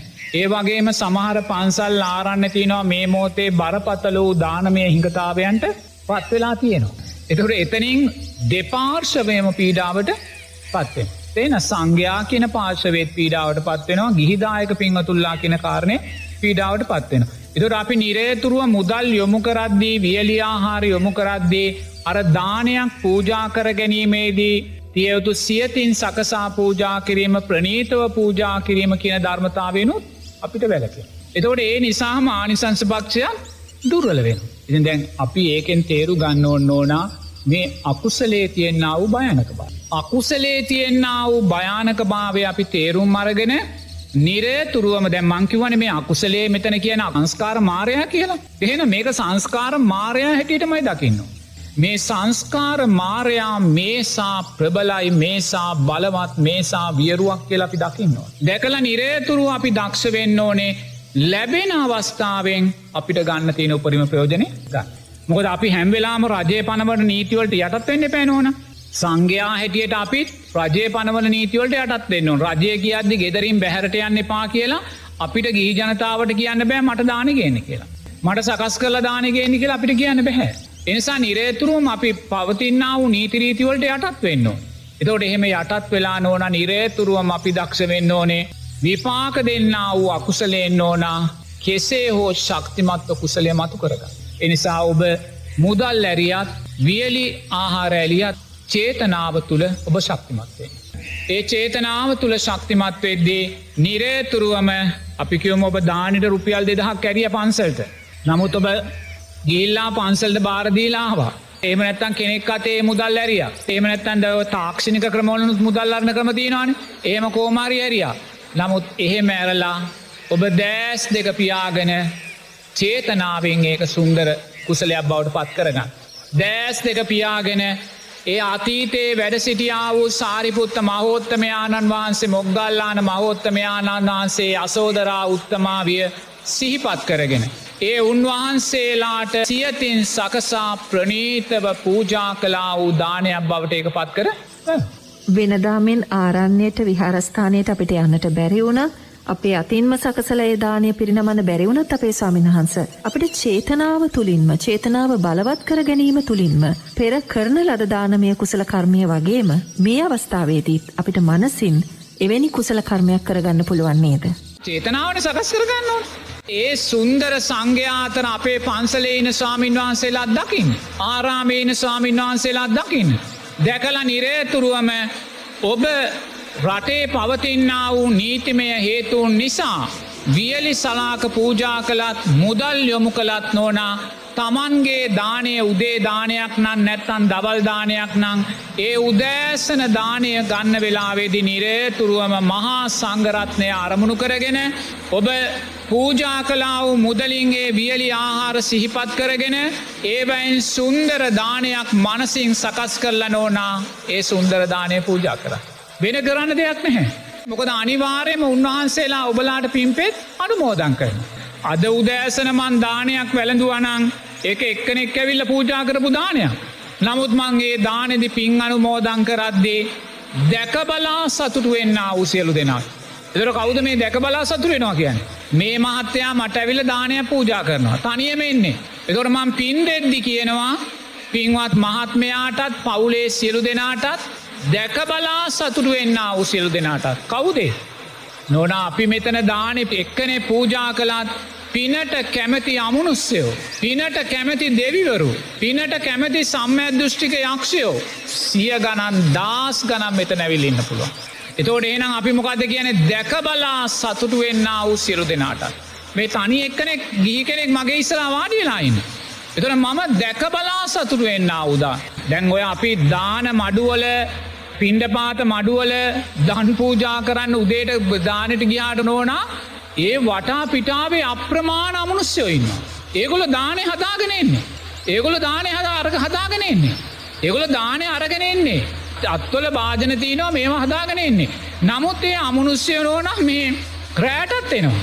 රෑටත් එනවා. රෑටත් සමාධියෙන් ඉන්න වෙලාට ස්වාමීන් වහන්සේලා උන්වහන්සේලාට පේනවා මේ අප්‍රමාණ අමනුස්්‍යයෝ ඒගොල්ල දානය හදාගෙන රෑ මොකොද අමනුස්්‍යය නෝනා මේ දානය වලඳන වෙලා දන්නේ නැහැ.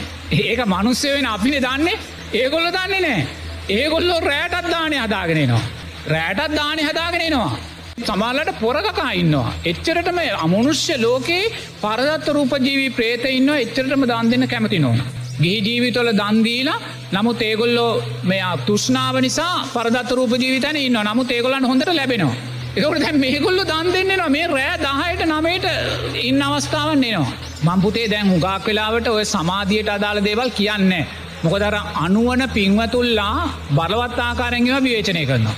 ඇත්ත නැත දන්නේ නැහැ තේන දැම්මම් මේම කිව්වාම අමනුෂ්‍යයෝ රෑදාහයට ඇවිල්ල දානයරං ඉන්නවා කිව් හම ඕක ගලපගන්නේ තුතේ අමනුෂ්‍යයෝ ආමුදුරුව වලඳන වෙලා එහෙම විකාලෙ දන්න ඒ මිනිසු අමනුෂ ලෝගෙන ඉන්නේ. නමුත් ඒගොල සංසාරික පුරුද්ධට ඒගොල්ල වෙනවා.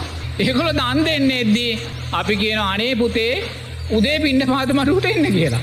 එතොට ඒගොල්ල ඇවිල්ලා ඒගොල්ලන්ගේ දානය අර ගණදානයන් නෙමේන නොන. ඒගොල්ලන්ගෙදේ ඒගොල්ලන්ගේ සියුම් ඒගොලන්ගේ සරීරත් සියුම්. ඒගොල්ලො ගන්නේවත් ආහාරත් සියුම්. ඒක අපිට මේ ගනව පෙන්න්නන්නේ නැහැ. ඒ නිසා අපි දාන බෙදන වෙලාවේ අප්‍රමාණ අමුස්්‍යයේ දානයට අත ගහන. ඔබ දානකක් කරන්නාපුහම ඔබේ දානකට අත ගහන අප්‍රමාණ අමනුස්්‍යය ඉන්න.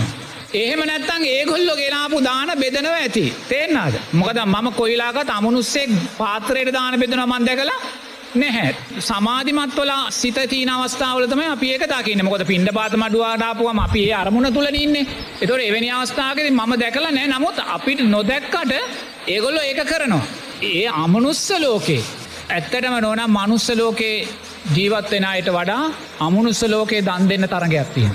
තියෙන පරදත්ත රූප ජීවි ප්‍රේත කොටත් දැම් මම මේ කියන එකට මට බලවත්තා කරෙන් චෝදනා කරයි. නමුත් නොන මම මේ ගීඩි පිංහතුලා දැනගන්න කිවේ. රෑ දහයට රෑ නමයට රෑකොලාට අර දානය අරන් එනවා ඒගොල්ල ඒගොල්ල දන්න ඒගොල්ල හිතේ දැන් දෙන්න පුළුවන් කියලා. ඒගොලන්ටේ ධර්මතාවයන් දන්නේ නැහැ ඒගොල්ල. ඉති ඒවගේ නෝනා අපිට චේතනාන්විතව චේන්න දැම මම දානය පූජා කරදි කවුරුවරි දැකබලා සතුටු වෙන්න අවස්සේලු දෙනා ඒ කියද්දේ මම දන්නවා කොච්චරය දැකලා සතුරෙනවාද කියලා. ළඟට ගම්වාසී රටවාසී සියලු දෙනා. එහෙම කියද්දි නෝනා ඔබට අවශ්‍යනං උදේ හතට ලංකාවේ කොය හිටියත් අනේ මම දෙන්න වූ පිම්පෙත් සංඝයා හැටියට දෙන්න වූ පිම්පෙත් සාදු සාදු කියලාන් මෝදම් වෙන්න පුළ ඒ අනුමෝදම් වුණ ඔබට ඒ පින තියෙනවා. එනම් ඔබ සලාක ආහාරදීලා වියලි සලාක පන්සල්ට ඇරිය කියලා මුදල් පන්සල්ට ඇරිය කියලා ඔබේ දානයේ සුන්දර ආනිසංස පක්ෂයන් වලක්කු ගන්න එපා. ඒක වලක්වල තියෙනවා අකුසලය විසින් නමුත් ඔබ ඒක වලක්කු ගන්න ඕනේ නැහැ. අකුසලේට යට වෙන්න එපා අකුසලේ යටපත් කරගෙන නැග හිටින්. අකුසලේ යටපත් කරගෙන නැගේ හිටින්. මොකද අකුසලේ අටපත් කරගෙන නැගේ හිටින්න නම් ඔබ මුදල් පන්සල්ට ඇරියත් ගෙදරඉදං හෙට උදේනං ඔබේ දානේ ඔබ මනසිං හිතන්න දැන් වෙලාව හයාමාරයි. මේ වෙලාවේ ඔබේ වියලි සලා කිය නැත්තම් මුදල සුන්දර දානයක් බවට පරිවර්තනය කරගෙන ප්‍රනීත සියතින් සකසාකු හැදවා උදානයක් බවට චේතනාන්විතව සකස් කරගෙන අතීතයේ සාරිපුත්ත මහෝත්තමයාණන් වහන්සේලා සීපත් කරගෙන වර්තමාන සංඝ්‍යාවත් සීපත් කරගෙන අනේ සාධූ සාධූ මං අද දවසේ මහා සංගරත්වයට ඒදානය පූජා කලා කියා දෙනෝනා ඔබ අකුස්සලේ යටපත් කරගෙන. ඔබට විපාකට එන අකුසලේ යටපත් කරගෙන ඔබ ඒ කුසලේ මතුකරගත්ත දක්ෂයෙක් බවට පත්වෙන්. එනිසා නොන අපිට ඒක කරන්න පුළුව ඒක චේතනාන්විතු ඒක සකස් කරගන්න. මේ මෝතේ මෙතන ඉදගෙන මට පුළුවන් ගුවන්වලි මහසය මෙතනීද වන්දනම් කර. කිසිම ප්‍රශ්නයන්නේ. අයිමත් රට වහලා මට රුවන්වලි මහසයට වහන්සේ ළඟට යන්න බෑගෙන් ප්‍රශ්නය මටනෑ ජයශ්‍රීමා බෝධීන් වහන්සේ ළඟට යන්න බැහැගෙන ප්‍රශ්නය මටනෑ. ඔබටත් ඒක ඇති කරගන්න ඒක චේතනාන්විතු ඇති කරගන්න. මනසින් රුවන්වැලි මහසෑ සමුදුන් වහන්සේ සීපත් කරග නොබ මනසින් කරන්න වූ පූජාවන් මනසින් කළ සාදු කියල පින්ගන මෝදන්ග. එනිසා දක්ෂයාට නෝනා කොතනින් හෝ මතුවෙන්න තැන් මේ ධර්මය තුළ තියෙනවා චේතනාහම් භික්කවේ කම්මංවදාමි චේතනාවයි කර්මය බවට පත්වේ. එනිසා අකුසලයක් විපාක දෙන්නේ අකුසලේට අටවෙන්න නං එපානවා. අකුසලේට යටවුණොත් මීට වඩා බලවත් අකුසල් අපි අනාගතයේදී වෙලා තියෙන ලෝකේ යන්න හරි බියකරු තැනක ලෝකෙම ආර්ථිකයේ වැටිල තියෙන්නේ. එතොට මේ ලෝකෙම ආර්ථිකයේ වැඩිච්ච වෙලාවේ ලෝක නායකයන්ටත් දැන් කර කියාගන්න දෙයක් නෑ. එනිසා නොනා ඊළඟ පියවර සමාරවිට බලවත් යුදමය පියවරක් බවට ලෝකයේ පත්වන තැනකට එන්න පුළුව. ආර්ථිකයෙන් කඩා වැටුන ලෝකය තුළ පාලකයන්ට සිද්ධ වෙනවා ජනතාවගේ අවධානය එක එක පැතිවලට ගන්න. එම නැත අනුන්ගෙදේ කඩා වඩා ගන්න. එනිසා මේ වියරුව නෝනා මෙතනින් ඉවරෙන වියරුවක් නෙමේ. එනිසා මේ වියරුව ධර්මානුකූලව ඔබ කළමනා කරණය කරගන්න. අපිට ලෝකයාට කියන්න බැහැ. අපිට අනුන්ට කියන්න බැහැ. අපිට රටේ නායකින්ට කියන්න බැහැ කරන්න කියලා. නමුත් ඔබ දක්ෂ වෙන්න තනි තනිව. ඔබ මේ අකුසලය කුසලයක් බෞලමනා කරණය කරගෙන අරංයන්න ඒම නැත්තන්න ඕන මේ අකුසලේ ඔබ තව තව ලෝබදේශ මෝහයන් වැඩුවොත් ඔබ කොරෝනාවට අනුන්ට ඇගිල්ල දික් කළ චෝදනා කළොත් ඔබ මේ නැව් ගිලෙනවා අපිට දීවර කර්මාන්තය කරන්න බෑ කියලා අනුන්ට චෝදනා කළ ඇගිල්ල දික්කලොත් ඔබ මේ ගංවතුර ගලනවා වැහි වහිනවා කියලා අනුන්ට චෝදනා කරලා ඒ තියෙන්න්න වූ පීඩාවන්ට චෝදනා කළොත් නොනා ඔබ අකුසලය විසින් තව අකුසල් කරගත්ත කෙනෙ බවට එච්ච රැවෙන කරන්න දෙයක් නෑ. ලෝකයේ කොතරම් බාධාවන් ඔබ ඉදිරියට ආවත් ඔබ කළ යුතුදේ දැන් අපි ස්වාමින්වහන්සේකින් හොඳින් පැහැදිලි කර ගනිමු.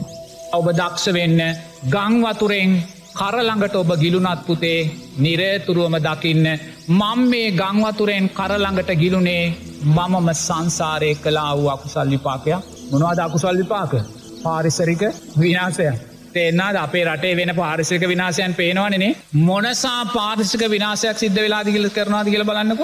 කොච්චර දේවල් කරනවාද කියලා බලන්නකෝ. වැලිටික ගොඩදානක පස්කඳු කපන එක මේ මහා අධි සංවර්ධනයක් නාමයෙන් නෝනා බලවත් විනාසයක් කලා සමාජය ගමන් කර. අපි බලන්නේ අධි සංවර්ධනයේ නාමයෙන් ලබන කොමිස් මුදල විතරයි. ඊට වඩා දෙයක් අපි බලන්නේ නෑ එනිසා පොඩි සංවර්ධන අපේ රටේ නැහැ. තේන සියල්ලම තින අධි සංවර්ධන.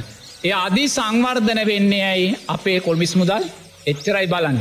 එනිසා ඕවා කරලා අනාගතයේ මනුස්්‍යයෝ වෙලා ඉපදුනොත් තරාවෙන්න නං එපා. කරළඟටම ගංවතුරේලිර ඉන්න. තිරිසන් සතෙක් වුණොත් ගංවතුරට ගහගෙන ගීලා මහමූදටම වැටේවිය ඕව කරන්න ලේසි. එනිසා ධර්මය සන්දිිට්ටිකයි ධර්මය එහි පස්සිකයි සුන්දරයි විවෘතව බබලනවා.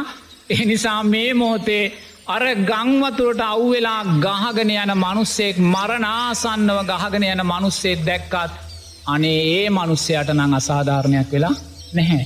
අසාධාරණයක් වෙලා නැහැ. මනුස්සයා සංසාරය කලා වූ පාරිසිරික විනාසයන් නිසා අහිංසක මනුස්්‍යයෝ දස් ගානක් නියන්න ඔය අදත් චෝදනා තියෙනවන නේද. ඔය ගංවතුර කරන්නේ අහවල් කෙනා කරපු වැරදි සැලසුම් නිසා අහවල් කෙනා කරපු වැලදි සැලසුම් නිසා අහවල් කෙනා වැඩිපුර කමිස්කන්න කරපු දේවල් නිසා තරහවෙන්න එපා ගංවතුර වෙලාවට පරිසවෙෙන්. මොකොද ඔය විපාගයන් ගහගෙනම මහසාගරයටම යන්න පුතේ කොතනකුවත් වරද්දක් නෑ ධර්මය එහි පස්සිකෝ විවෘතව බබලනවා ඒ හින්දයි භික්ෂුවක් හැටියට පුතේ සුපටි පන්න ගුණේ උජු පටි පන්න ගුණේ ඥාය පටි පන්න ගුණේ සාමීචි පටි පන්න ගුණේ ආරක්ෂා කරගෙන මම ඉන්. ලද දෙයින් සතුටු වෙලා අල්පේච්ච භාවය ජීවිතයට එතු කරගෙන මධ්‍යම ප්‍රතිපදාව තුළ මම ජීවත් වෙන්නේ අකුසලේ ස්භාවය ලෝබදේශමෝයන්ගේ ස්භාවය සංස්කාර වියරුව ස්භාවය මං හොදට දන්න. ඔබලා යම් දවසක මීට අවුරුදු අටකට ඉස්සෙල්ලා මම හිටිය කුටියට ඉල්ල මට මතකයි ඔබලා දෙන්න උදේ පාන්දර නමේටිතර දොරට රට්ටු කලා මංකුටිය ඇතුළේ ඉදං ඇහුව කවුද කියලා එතකොට ඔබලා කිව්වා සිරසෙන් ස්වාමීන් වහන්ස කියලා මන් දොරඇරල ඇතුළට ගත්තා.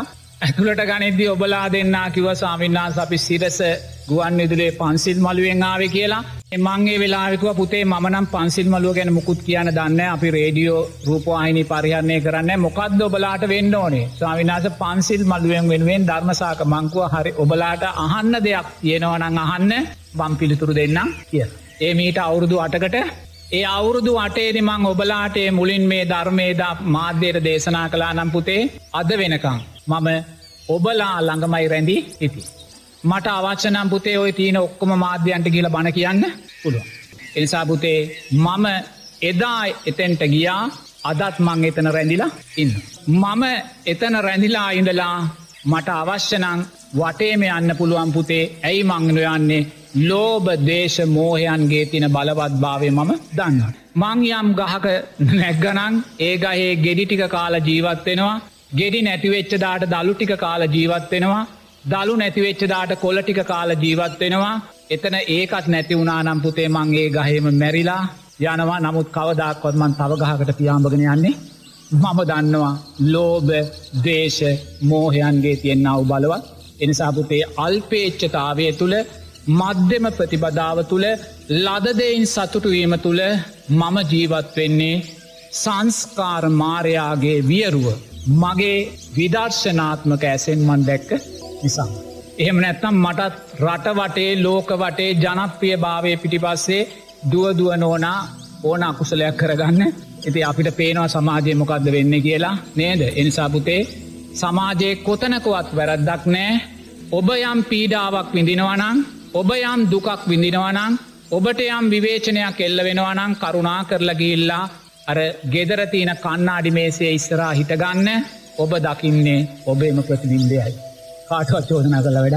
එනිසාපුතේ මේ මොහොතේ මොනසා වියරු අකුසලයක් විපාක දුන්නත් ඒ ඔබම කරගත්තා වූ දෙයක් එනිසා කරුණා කරලා ආර්යෂ්ඨාංගික මාර්ගය තුළ ජීවිතේ ශක්තිමත් කරගන්න ගිහිපින්ව තුල්ලා මහා සංගරත්නය අපේ සුපටිපන්න උජු පටිපන්න ඥාය පටිපන්න සාමීචි පටිපන්න ගුණයන් තුළ අපේ ජීවිත ශක්තිමත් කරගන්න ඒ වගේම මේ රටේ ගෞරුවනීය පාලක පින්වතා කරුණා කරලා සම්මාධිට්ටියේ අර්ථයන්ගෙන් සමාජයට පූර්වා දර්ශයන් දෙන්න. සමාජයට පූර්වා දර්ශයන් දෙන්න. ඒ පූර්වා දර්ශයන් දෙන්න ඔබ අදක්ෂණං. අදින් පසුව හෝ නිවැරදිවෙන්න ඇත්තං නෝනා ඒවැයි අකුසල්නං කවදාක්වත් මෙපමණයි කියලා අපිට කියන්න බැහැ. මොකද ඔබ උතුම් නායකත්වයට පත් වනේ ඔබ සංසාරය කලා වූ කුසල් ධර්මයන් නිසාමයි. එනිසා ඔබ මුලින්ම ගරු කළ යුත්තේ සීලයටයි. ඔබ මුලින්ම ගරු කළ යුත්තේ දානයටයි. ඔබ මුලින්ම ගරු කළ යුත්තේ මෛත්‍රියටයි. ඒ එකකටවත් ගරු නොකර ඔබ සක්කාය දිට්ටියට ගරු කරනවා නං. එහි විපාකයන් පුතේ කල්පගානත් දීර්ගයි කියෙන කාරණය ධර්මානුකුලුව කියන්න.